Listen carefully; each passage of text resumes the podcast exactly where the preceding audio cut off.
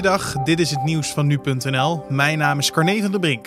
Het is voor scholieren en docenten onmogelijk te weten of ze het mondkapjesadvies van de overheid goed naleven. Of het mondkapje na elke leswissel vervangen moet worden, is namelijk onbekend. Het RIVM en het ministerie van Onderwijs wijzen naar elkaar voor uitsluitsel. Schoolgaanden met een krappe beurs kunnen bovendien niet eens zo vaak een mondkapje verwisselen. Dat vreest scholierenvakbond LAX. Wegwerpmondkapjes, waar volgens het LAX ongeveer de helft van de leerlingen gebruik van maakt, moeten volgens de overheidsrichtlijnen na gebruik weggegooid worden. Daarnaast moeten duurzamere stoffen mondmaskers ook officieel na gebruik gewassen worden. Wat dus strikt genomen betekent bij elke lokaalwisseling, pauze en toiletbezoek.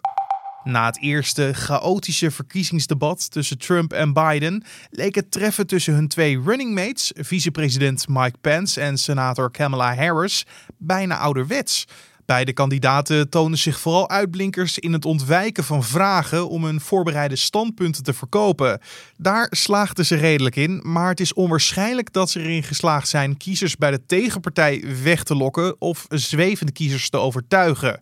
Na afloop werd zowel in de media als op sociale media veel aandacht besteed aan een vlieg die neerstreek op het hoofd van Pence en daar twee minuten lang rondwandelde. Ik blijf hier zitten tot hij een vraag beantwoordt, grapte een twitteraar. In Nederland is het aantal baby's dat jaarlijks doodgeboren wordt in de afgelopen twee decennia sterk gedaald. Ten zuiden van de Sahara in Afrika is het aantal echter toegenomen, zo meldt UNICEF vandaag op basis van een internationaal onderzoek. In het jaar 2000 zijn in Nederland ruim 1000 baby's doodgeboren. En vorig jaar waren dat er 400.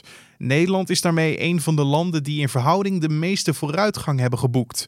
Dat komt volgens UNICEF onder meer door diverse beleidsmaatregelen, maar ook doordat er meer aandacht is voor kwetsbare zwangere vrouwen en een gezonde levensstijl. Facebook zal voor en tijdens de presidentsverkiezingen in de Verenigde Staten berichten verwijderen die met militair taalgebruik oproepen om stembureaus in de gaten te houden.